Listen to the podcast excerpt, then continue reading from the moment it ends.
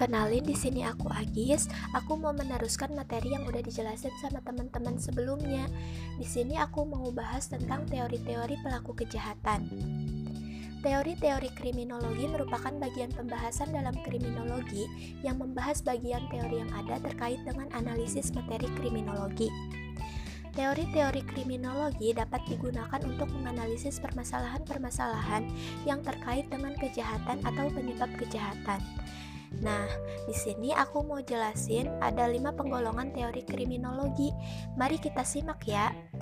Yang pertama adalah teori asosiasi diferensial. Teori ini dikemukakan oleh Edwin H. Sutherland pada 1947. Menurutnya, tidak ada tingkah laku yang diturunkan berdasarkan pewarisan dari orang tuanya. Ia mengatakan bahwa tingkah laku kejahatan ini dapat dipelajari dalam lingkungan itu sendiri. Yang kedua adalah teori anomi. Teori ini dikemukakan oleh Robert Camerton dan Emil Durkheim. Merton menjelaskan bahwa teori ini berorientasi pada kelas, yaitu suatu tindakan kejahatan dapat terjadi oleh kelas bawah atau golongan minoritas.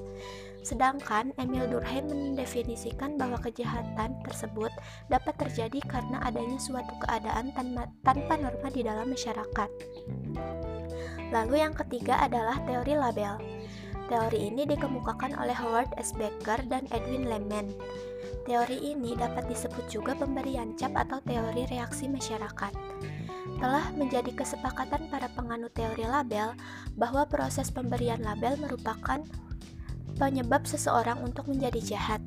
Dalam teori ini ada dua hal yang perlu diperhatikan, yaitu yang pertama adalah adanya label akan menimbulkan perhatian masyarakat terhadap orang yang diberi label. Dan yang kedua adalah adanya label mungkin akan diterima oleh individu tersebut dan akan berusaha untuk menjalani sebagaimana label yang dilekatkan pada dirinya. Kemudian yang keempat adalah teori konflik. Teori ini menganggap bahwa orang-orang memiliki perbedaan tingkatan kekuasaan dalam mempengaruhi perbuatan dan pekerjanya undang-undang.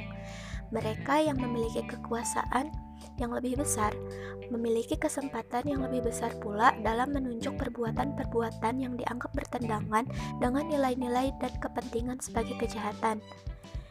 Dan yang kelima adalah teori kontrol sosial. Teori ini memusatkan diri pada teknik dan strategi yang mengatur tingkah laku manusia dan membawanya kepada penyesuaian atau ketaatan kepada aturan masyarakat. Landasan berpikir teori ini adalah tidak melihat individu sebagai orang yang secara intrinsik patuh pada hukum, namun menganut segi pandangan antitesis di mana orang harus belajar untuk tidak melakukan kejahatan. Nah, eh, oke cukup sekian ya penjelasan dari aku. Terima kasih teman-teman. data.